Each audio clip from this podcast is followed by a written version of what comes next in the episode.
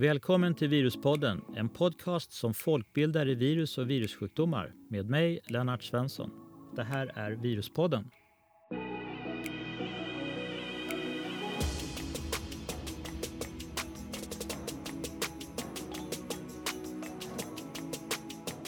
Välkommen till Viruspodden med mig, Lennart Svensson och Åke Lundqvist. Pågående pandemi är inte den första som drabbat världen och Sverige. Faktum är att vi hade en pandemi i början på 80-talet för de som minns och var med. Pandemin var HIV. Politikerna gjorde till en början inte särskilt mycket för att stoppa spridningen av HIV. När politikerna och myndigheterna tog tag i frågan några år senare försökte de istället hindra människor från att ha sex. Bland annat snabbehandlade riksdagen en lag som förbjöd sexklubbar, vilket förstås inte hindrade smittspridningen. Idag ska vi prata om vad har vi lärt oss av HIV-pandemin? Vad borde vi ha lärt oss? Och varför blir alla experter över en natt? För att göra detta har jag och Åke Lundqvist bjudit in Sven Britton som är professor emeritus i infektionssjukdomar vid Karolinska institutet och som 1986 blev chef för Roslagstulls sjukhus där flertalet av landets hiv-infekterade togs emot. Sven, som är en av Sveriges mest erfarna infektionsläkare. Du var ju med i de första fallen när hiv-pandemin, eller hiv drabbade Sverige och höll på att bli en pandemi. Hur var den absolut första tiden ehm, just då, vid den här tiden? Liksom? Vad var det som hände? Du var ju på Roslagstull då, va? Ja, jag kom ju som chef då.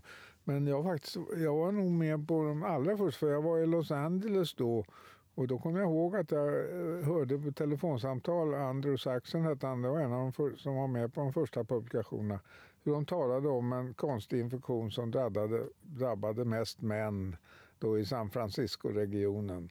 Och det, var ju, det här var ju tror jag, omkring 1980, det vill säga innan de första fallen var beskrivna.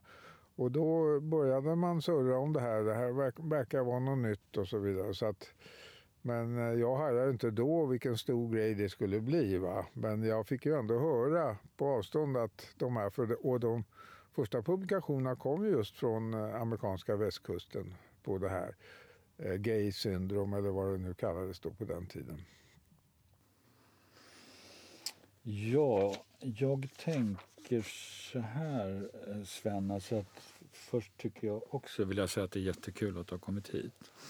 Ehm, och jag vet att Björn kallade eh, Erling Norrby när han var här för nästorn av svensk virologi och jag skulle vilja kalla dig för nästorn av svensk infektionsmedicin. Eh, Så jag är jätteglad för det och jag eh, eh tänker då, eller idén var ju kanske att eftersom du var med från absolut början och även innan hiv-spridningen och du är med oss nu här vad tänker du? Det är klart att det är jättestora skillnader mellan hiv och den sjukdom det viruset orsakar jämfört med den pandemi vi lever i nu. Men vad, vad tycker du är de största skillnaderna och största likheterna mellan vad som sker när en pandemi exploderar som det har gjort nu? Eh, men först eh, vill jag bara, får jag bara haka på lite vad vi sa förut. Att, eh, jag kom ju till eh, Roslagstull 1986. Men då fanns det redan besjälade läkare som hade eh, börjat intressera sig för de här första fallen. Och de blev ju en kärna i den grupp eh, personer som mötte de första hiv-infekterade. Min roll var ju mest Eh, visserligen hade jag en del då, patienter också, men inte så mycket. Min roll mest var ju att skaffa fram resurserna. För det var ju lite jobbigt i början också, men så småningom gick det väldigt bra. Vi blev ju väldigt väl bemötta av eh, Stockholms politiker, måste jag säga. Så vi fick de resurser som behövdes. Det vet jag inte om det är riktigt eh, samma sak nu inte och det är en liten annorlunda grej. Men en sak som är detsamma som du antydde förut, det är det att eh, i inledningen av en sån här epidemi då finns det ofta fler experter än det finns infekterade. Va? Det blir ju väldigt många som säger så här ska du göra och så här ska du inte göra. Och det var väldigt påtagligt när det gällde hiv. Det kom en expert i varje buske och en del var värre än de andra som sa just att vi måste eh, isolera de eh, infekterade och sätta dem på någon ö i Vättern och så där vidare som det var snack om då. Och det ju, finns ju varianter på det här också, att man ska dra, ta till drastiska metoder utan att man riktigt vet om de funkar eller inte. Så att, det kanske är rimligt också att man i början så här så, så är det många som har åsikter så småningom kristalliserar sig väl ut någon, någon eh, mer rimlig attityd att ha till det här. Men i början är det nog en hel del stallskrik och det var det ju vid hiv-infektionen och det är det väl här också.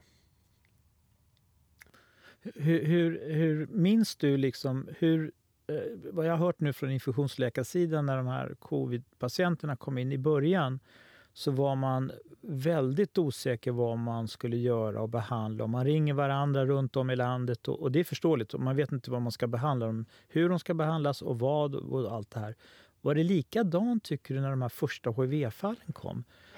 Ja, alltså, inledningsvis så fanns det ju... Det, det här var ju en en eh, infektionssjukdom av en karaktär som vi åtminstone i modern tid aldrig hade vann, nämligen en som var obevekligt dödlig och det fanns ingen behandling. Va? Det, och det fanns eh, heller ingen riktig eh, kunskap om eh, patofysiologin bakom inför varför dör patienterna? Varför tar det eh, kanske ett par år och de magrar lång tid?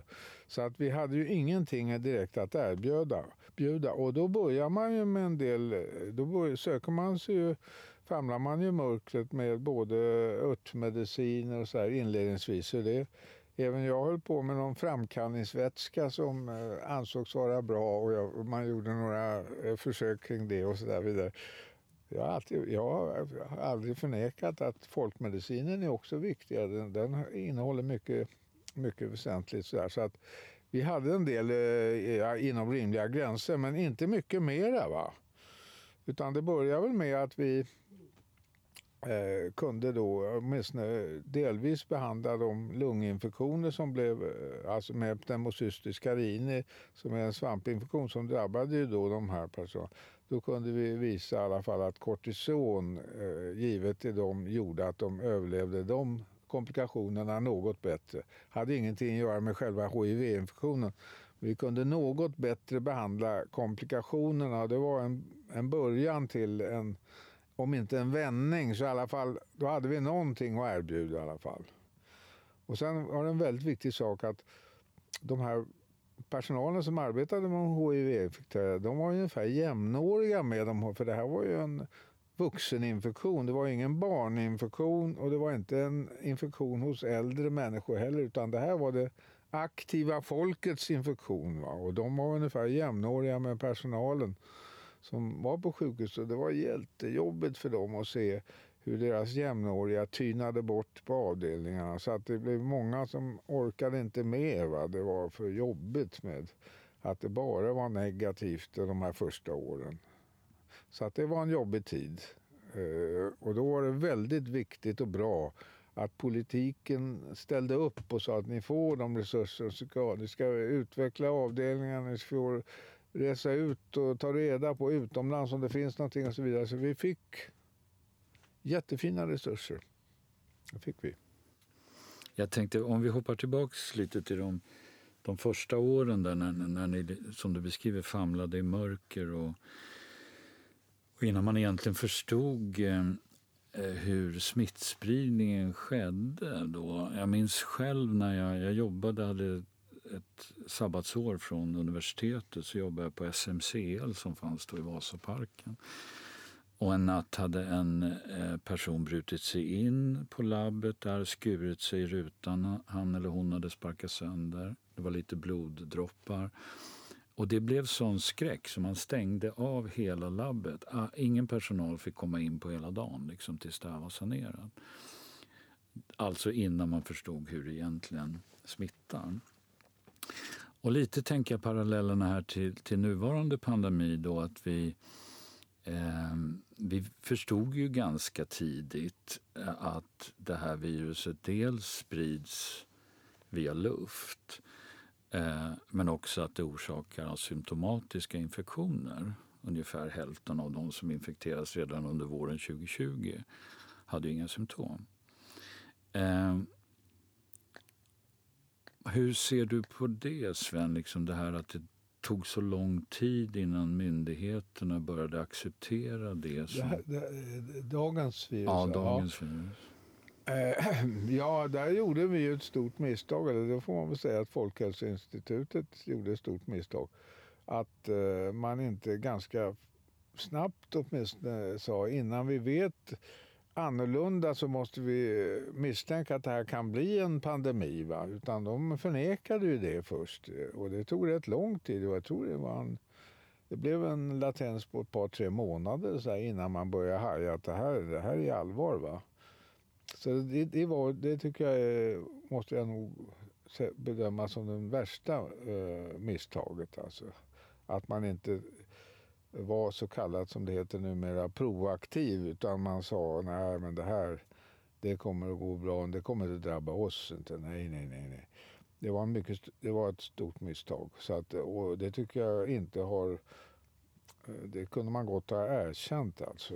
Och det, jag tror inte det har man erkänt det riktigt ännu. Va? Det var ju det stora misstaget. Sen de här andra grejerna Eh, att inte man var rustad för det hela och att man inte förstod att det fanns särskilda riskgrupper som sen var anställda inom äldrevården till exempel. Att det var de som... Det, det, det kanske... Det har man inte fattat ännu. Alltså, vi tror ju fortfarande att eh, eh nosokomiala infektioner, alltså infektioner som drabbar sjukvården, att det är spridning mellan patienter. Men personalen är ju alltid viktiga. Det är de som sprider infektion, det är de som ska utbildas de ska ha bra barriärvård och så vidare. Det, det, var ju, det var ju gammal kunskap men det hade man ju inte aktiverat vid tillfället till exempel. Det borde man ha klarat av i alla fall. Det gäller ju alla infektioner. Mm. Så det, det, var en del uh, tråkiga misstag i början där. Ja, men jag... sen har det ändå visat sig att det här viruset är ju, det, det är, uppförs, det, var, det är ju inte samma virus nu som när det startade utan den ändras ju så det är en ny, massa ny kunskap som inte vi kunde ha en aning om naturligtvis i början. Mm. Verkligen. Men jag tänker också det, det, som jag var inne på med dels luftburenheten eh, men också den, den, stora delen asymptomatiska infektioner, alltså helt utan några symptom. Jag tänker att det måste ju varit en väldigt stor orsak till att vi fick in så mycket smitta på i eh, ja, både hemtjänst och, och vårdhemmen. Det vill säga om den enda instruktion de som arbetar där får är att, att äh, tvätta händerna. Ja. Eh, och istället för att tänka att det här... Rätt så ny kunskap när det gäller luftburen infektion. Att man inte tänker på det att man... Eh, och sen det här. Så det, det, har ju, det är en viktig ny, tycker jag. Det, för jag har haft luftburna infektioner det är naturligtvis långt innan det här. Och då har ju inte tvätta händerna... Tvätta händerna har ju varit viktigt mest för de tarminfektionerna. Men nu har vi förstått att det är viktigt även för luftburna infektioner. Så det, det är en ny och bra kunskap naturligtvis. Men eh, det, sen är det då de här asymptomatiska. Vi har ju alltid räknat med att de som är bara bärare och inte har symptom, de är, väldigt, eh, de är alltså väldigt lite smittsamma. Och eh, det är de även i det här fallet. Men om de är många så även liten smittsamhet innebär ju att de kommer att sprida smittan. Eller hur? Även om de, det är få som gör det. liksom.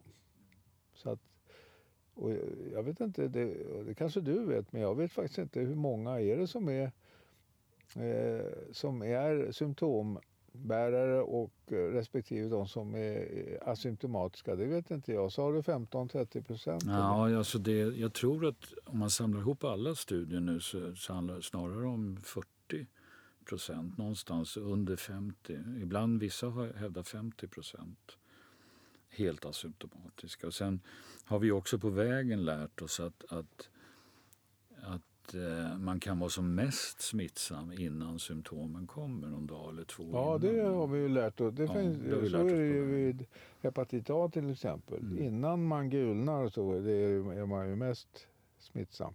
Och, och där kan vi ha en analogin med HIV.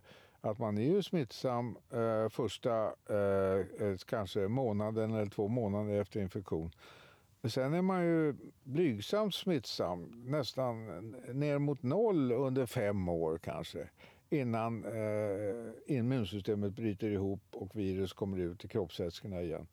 Men även om man då är väldigt lite smittsam under den här långa tiden så är man ändå naturligtvis lite, eh, alltså, i alla fall lite smittsam. Och Eh, eh, även om det då är bara någon procent eller sådär, det är ju ändå eh, under en lång tid också så blir man ju ändå eh, och det vet man ju från blodgivare. Det var ju Ove Berglunds stiliga eh, undersökning att han visade att en patient som har blivit hiv-smittad den patienten, ger, när den ger blod, även då den är helt symptomfri och så vidare, så är han smittsam om man tar en halv liter blod för honom. För då, det räcker för att man ska överföra infektionen.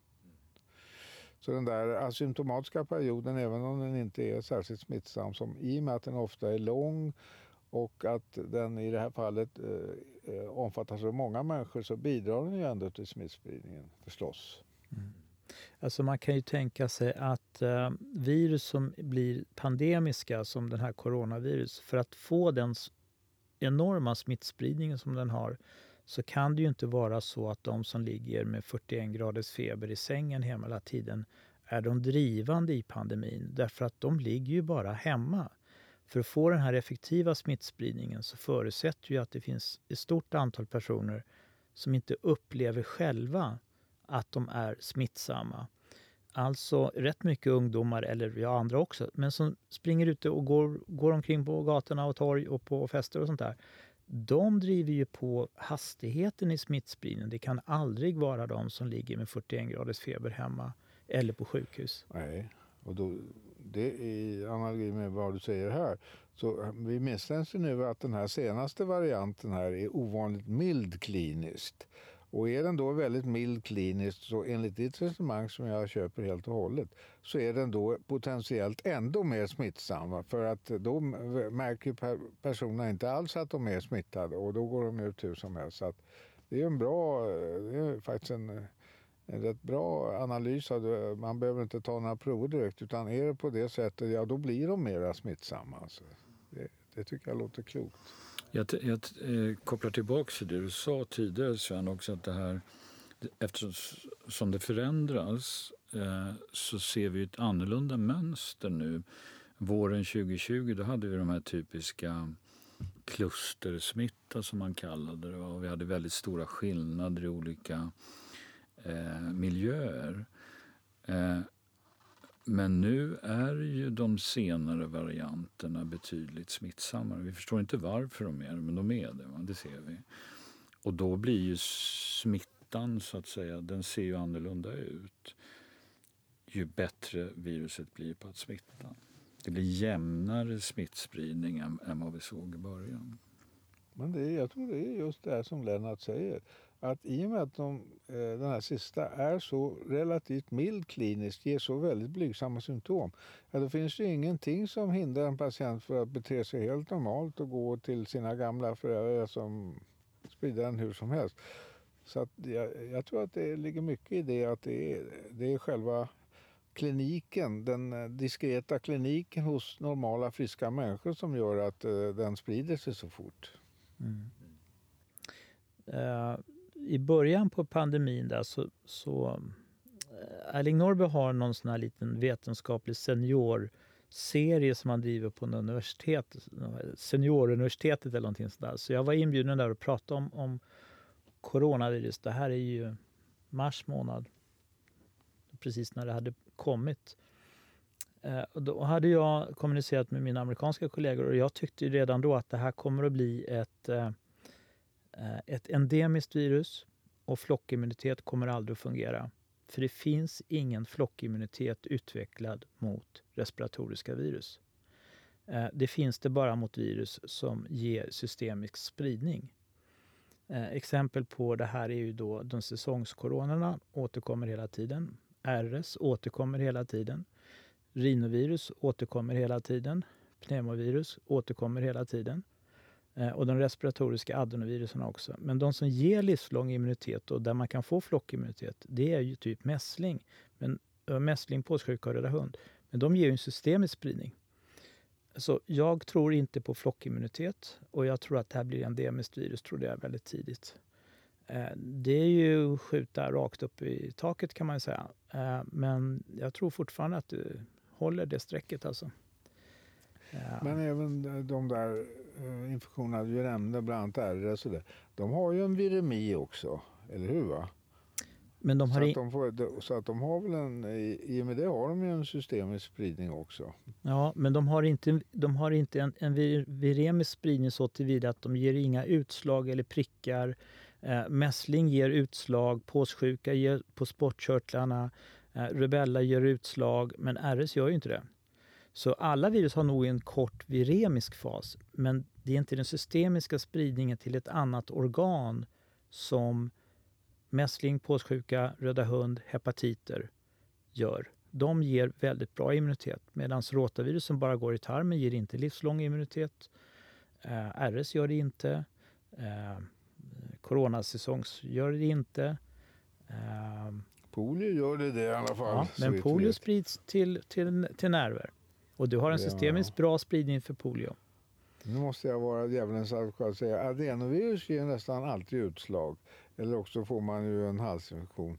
Eh, menar du att de inte heller... Det blir... Ja, det är olika typer på radorna. Ja. Därför att en de... del ger då livslång... Ja, en del kan... De, de som ger eh, eh tarmdiarréer, alltså typerna 40-41 av adeno, de ger ju ingen livslång immunitet. Och så finns ju de här som ger ögoninfektioner, där vet man nog inte så mycket. Och en del ger respiratoriska symptom.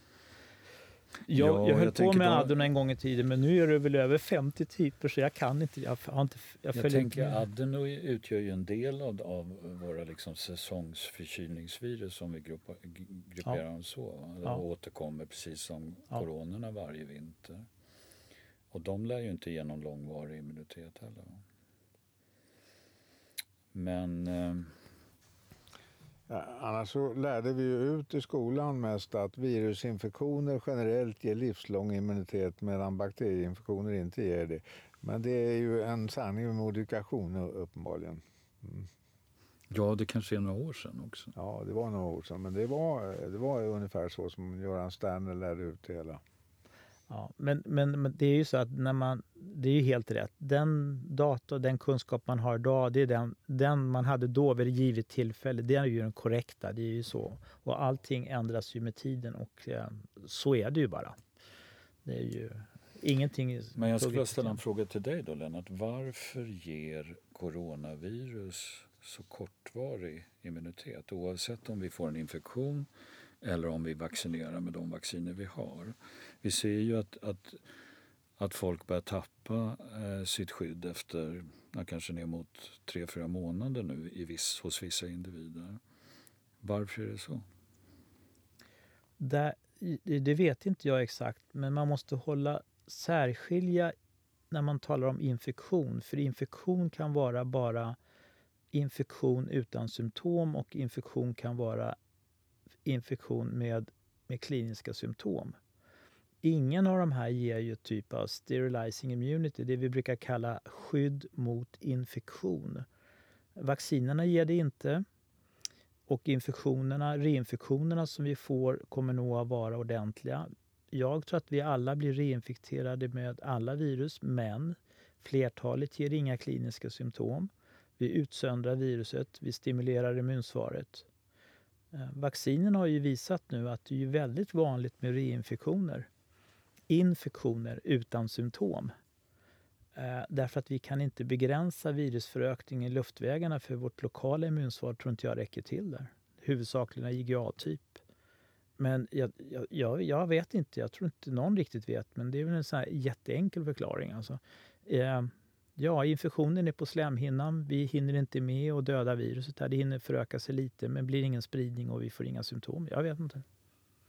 Sven, vad tror du? Vad vet vi egentligen om reinfektion efter en genomgången sars-cov-2-virusinfektion? Hur snabbt kan man bli infekterad igen? Vet vi något om det? Vet du det Sven? Ingen aning, men eh, alltså, Ja. Jag vet, eh, nej, det är inte för att jag har gjort det, utan jag har ju läst på de här. Det, finns en del fantastiskt trevliga volontärstudier gjorda på 60-talet på coronavirus Mhm. i England. Eh, som folk i allmänhet, alla de här... Var det Common Cold Institute? Precis, De bra. hade de där. Precis. Det roliga är att 90% av de här som uttalar sig om det här, de har ingen aning om det här. Men där gjorde man så att man rekryterade huvudsakligen studenter. Eh, David Turell heter killen som hade Common Cold Institute i England. Eh, droppade coronavirus, säsongscorona, i näsan på dem. Och så följde han upp och frågade hur länge och vad fick de för symptom. Ja, det en del fick symptom. Eh, tre, fyra månader senare fick de lägga sig på britsen igen, fick nytt virus. En del blev sjuka, en del blev inte. Följde upp dem ett år och visade immuniteten är kortare än ett år. Var det det var ganska enkla försök. Man hade ju ingen PCR då, man hade ju inte det. Men de följde liksom med feber och symptom och försökte odla och sådär. Immunitet kortare än ett år och man kunde bli reinfekterad med samma typ. Då var det de här säsongskoronorna efter redan tre, fyra månader. Alltså liknande det vi ser nu. Ja, i den här pandemin. Liknande det vi ser nu. Annars jag bygger väl eh, det immunologiska minnet, det vill säga immunitetens varaktighet. Det bygger väl på ett par eh, centrala faktorer. Dels hur länge lever minnescellerna? Ja, de kan leva livslångt eh, i, vissa fall. Alltså, vanligtvis är ju en vit blodkropps överlevnadstid det rör sig om veckor, men en eh, minnescell kan ju leva åratal. Och det andra är ju då om det finns en en antigenreservoar kvar i kroppen som hela tiden kan stimulera. Det räknar man ju med att det ska gälla när det gäller latenta virus. Och det tredje är ju att, att eh, smittämnet finns i samhället och hela tiden påminner immunsystemet och underhåller immuniteten. Eh, det är ju de tre faktorer som är grundläggande och vilka som gäller i det här fallet. Här borde det vara så om eh, coronavirus fortfarande cirkulerar ordentligt i samhället så borde ju det vara en påminnelse till de som är immuna att, att deras immunsystem hela tiden aktiveras därför att de utsätts för det. Mm. Jag, jag tror att det är så. Mm. Jag tror att det är det upplägget. Alltså. Att den snurrar hela tiden. Och vi, ungefär de ja. tre varianter som man tänker Ja, sig. och så måste det vara för många eh, respiratoriska virus, tänker jag, eller förkylningsvirus. För att vi, det ser man ju på småbarnsföräldrar, de är ju förkylda konstant första året ungarna är på dagis. Men dagispersonalen, de har ju, liksom, de har ju det hela tiden. Va? De är ju aldrig förkylda. Och även småbarnsföräldrar, när barnen blir lite större efter några år på dagis, behöver man ju inte vara hemma varannan vecka och, och vabba. Eh, alltså det, det, den viktigaste vaccinationen i samhället det är ju en massa virus som snurrar och boostrar våra minnesceller hela tiden. Mm. vad, sen vad tycker du är det viktigaste vi skulle göra i den här coronapandemin vi har nu? Ty, ska vi släppa det? Ska vi skippa alla restriktioner? Ska vi ha några restriktioner? Vad, vad tycker du rent taget sådär, rakt upp och ner? Ja, jag måste säga att jag har ingen sådana fasta åsikter som... Det kommer ju en artikel i Dagens Nyheter varannan dag nästan hur man ska göra och inte göra. Det vet jag inte, men jag tror att eh, eh det här fantastiska, det måste jag, att ni inte har sagt, den här nya vaccinet, alltså det är ju en underbar grej. Att man skickar in någonting så gör man sitt eget vaccin, alltså det är ju fullständigt, det är rena rama, eh, ja, framtidens, inte dystopi utan eh, alltså positiv som tusan. Så att eh, eh jag tycker väl att det viktigaste är att man eh, eh underblåser vaccination eh, till så många grupper som möjligt och går ner i åldrarna också. Om man har någorlunda bra garantier, det verkar ju finnas för att det inte ska vara de där hemska långtidseffekterna som blev av det senaste nya influensavaccinet. Eh, det var ju hemskt. Men annars, det tycker jag är det viktigaste. Eh, sen så eh, naturligtvis hålla avstånd om det är luftrum. Det är viktigt naturligtvis. Och kan man göra det under rimliga eh, förhållanden och även eh, munskyddet, det är ju, kan ju inte vara negativt i alla fall. Som Tegnell säger att vi inte kan handskas med munskydden. Det, det måste ju en, en någorlunda utbildad eh, population som den svenska kunna klara att handskas med ett munskydd. Så det kan ju, alla de där grejerna har väl en viss inverkan, det tror jag. men eh, den, sen är det väl riktigt det som Folkhälsoinstitutet säger att vi har också en annan aspekt. Vi är inte bara mikrobiologer utan vi har en aspekt att vi ska också bidra till att samhället fungerar någorlunda och så där vidare. Och det tänker väl inte vi mikrobiologer så väldigt mycket på utan vi tänker på det rent mikrobiologiska och där har kan man väl göra betydligt mer än vi har gjort i Sverige hittills i alla fall. Men jag, jag tycker att det viktigaste är vaccination. Det är ju inte originellt, det tycker väl alla. Och även revaccination. Då, om det nu är så att vaccinationsminnet är kortare än efter naturlig immunitet så måste man väl göra det. Och sen är det väl som du säger då Lennart att så småningom så måste vi inkludera den här i influensavaccinet. Det får väl bli någon slags kombinationsvaccin då mot luftvägsinfektioner regelbundet. Jag håller helt med om den här alltså fantastiska uppfinningen med mRNA-vaccin. Det är ju liksom jättegrej. Men nackdelen med det vi har idag det är ju att, att det bara då handlar om en liten del, en väldigt viktig del visserligen, men en liten del av viruset. Tror du att det räcker i längden eller tror du att vi kommer behöva mer traditionella vacciner som innehåller flera Tantar, delar ja. eller hela viruset? Eller, alltså ett, ett, ett, kan det vara så att ett, ett av problemen är den kortvariga immuniteten eller den eh, ja, både kortvariga och inte fullständiga alls. Då kan det vara att vi bara använder det här spikproteinet som vi kallar det på svenska? Ja, eh, där är väl ändå erfarenheten att det är en form av monoterapi då. Eh, det är ju det att det är stora risker med den då, att den inte kommer att hålla den immuniteten. Eh, det är klart om spikproteinet är ungefär som CD4-receptorn. Om man kan helt blockera den när det gäller HIV-virus då blir det ingen infektion. Men, men eh, det blir ju ofta då resistens. Så att, men jag kan inte tänka mig att det här nya vaccinet skulle man kunna inkludera flera eh, komponenter i det. Man skulle kunna göra det till ett polyvalent vaccin också. Eh, antar jag. Det vet, kan ju ni den tekniken mycket mera. Men det tilltalande och hisnande är ju att man gör sitt eget vaccin. Alltså, det är ju jätteförnämligt. Vet du om man jobbar något mot det, Lennart? Alltså med flera mRNA-komponenter i en och samma spruta då så man gör fler delar av viruset? Uh, nej, det gör jag inte, men jag skulle inte vara förvånad om inte Moderna och Pfizer jobbar med det. Det ehm, måste de göra. Tekniken är ju helt genial, den går snabbt att göra. Det är ja. egentligen helt fantastiskt. Uh, men jag är ju lite så här alldeles för konservativ. Jag, har ju lång diskussion med Hans Excel. jag tror ju på Eh, Eh, också på Valnevas vaccin som nu har blivit registrerat i EU och som är ett hel, eh, helvirus som är inaktiverat.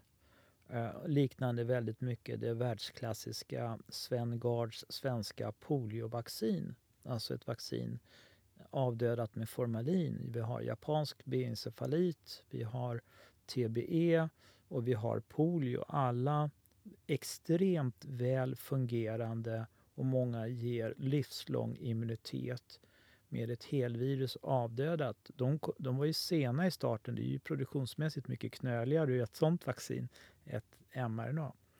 Så äh, jag vet inte. Ja, men, jag vet. Livslångt är det väl inte om det är avdödat. Då måste man ju, det är, svenska eh, poliovaccinet är väl ett exempel. Det måste man ju komma igen med flera gånger för att det ska Ja, men det svenska avdödar i tre doser, men efter det... Ja, fler. Tre doser som barn, men sen ska man ju Fylla på. Ja.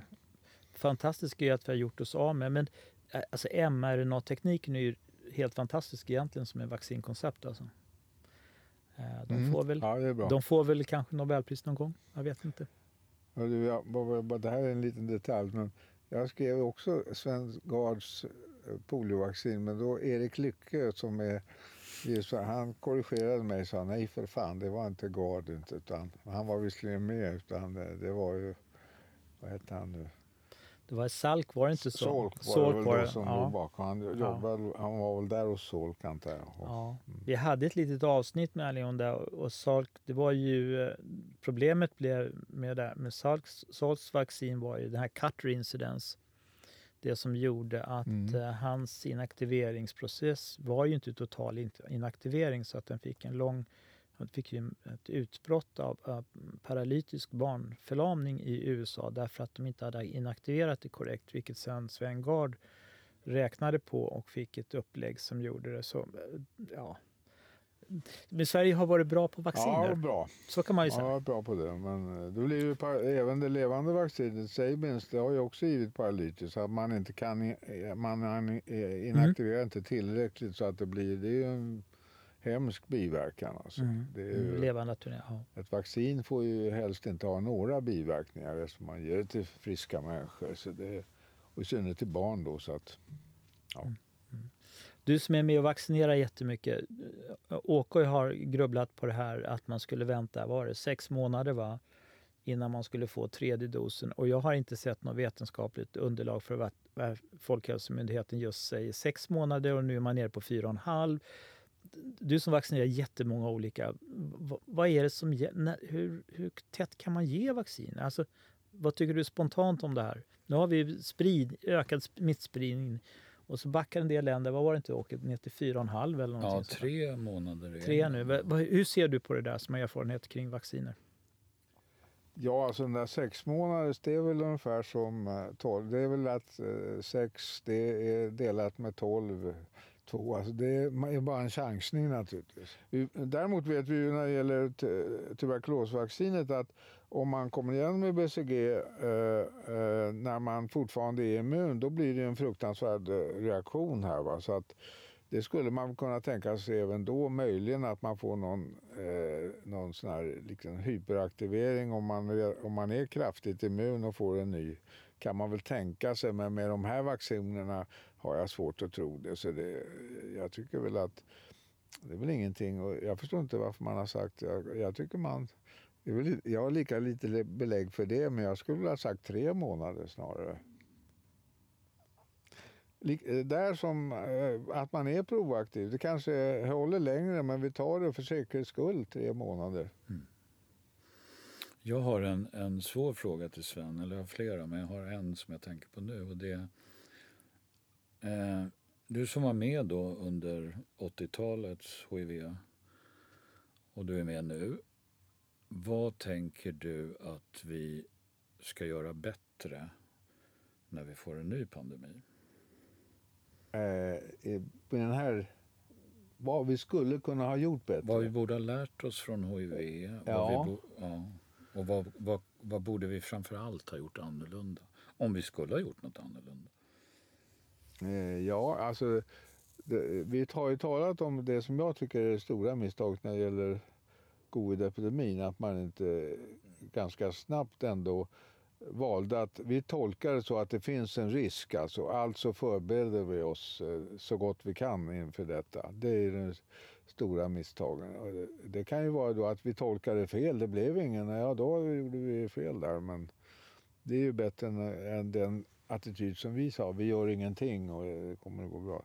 Det, det, det, det är det stora misstaget. Det har vi lärt oss att så, så får vi inte göra i fortsättningen. Är det, dyker upp ett nytt virus någonstans i världen eh, som verkar vara smittsamt, då måste vi göra oss beredda på att det här måste vi försöka eh, möta. Och då är det ju de det finns ju inga så här jättebra metoder utan det är ju isolering. Det gamla eh, eh isolering är ju en variant på att hålla avstånd, ta munskydd, tvätta händerna och så vidare. Det är ju en variant på den gamla metoden att isolera den infekterade från eh, den andra. Och det, de metoderna inom rimliga gränser, de måste vi ju applicera på framförallt luftvägsinfektioner då. Så att jag har ingenting, eh, men att man har, eh, intar en mer ödmjuk och försiktig attityd eh, Eh, till alla nya eh, utan att vara fördömande. Det var ju, det, blev, det, var ju, det har ju faktiskt inte ingått i det här. Eh, alltså att man har Ja, en effekt av munskydd säger de ju är att om man har munskydd då undviker människor personer som har munskydd. De håller sig borta från dem därför att de tror att de har infektionen. Det är en sekundär effekt av munskydd då. Men eh, till exempel när det gäller en sexuellt överförd infektion, ja då, blir ju, då kommer ju de här hemska fördomarna eh, fram och så vidare. Det gör det ju inte i det här fallet. Men med tuberkulos eh, så ju, finns ju de direkt eh, fortfarande i den fattiga världen.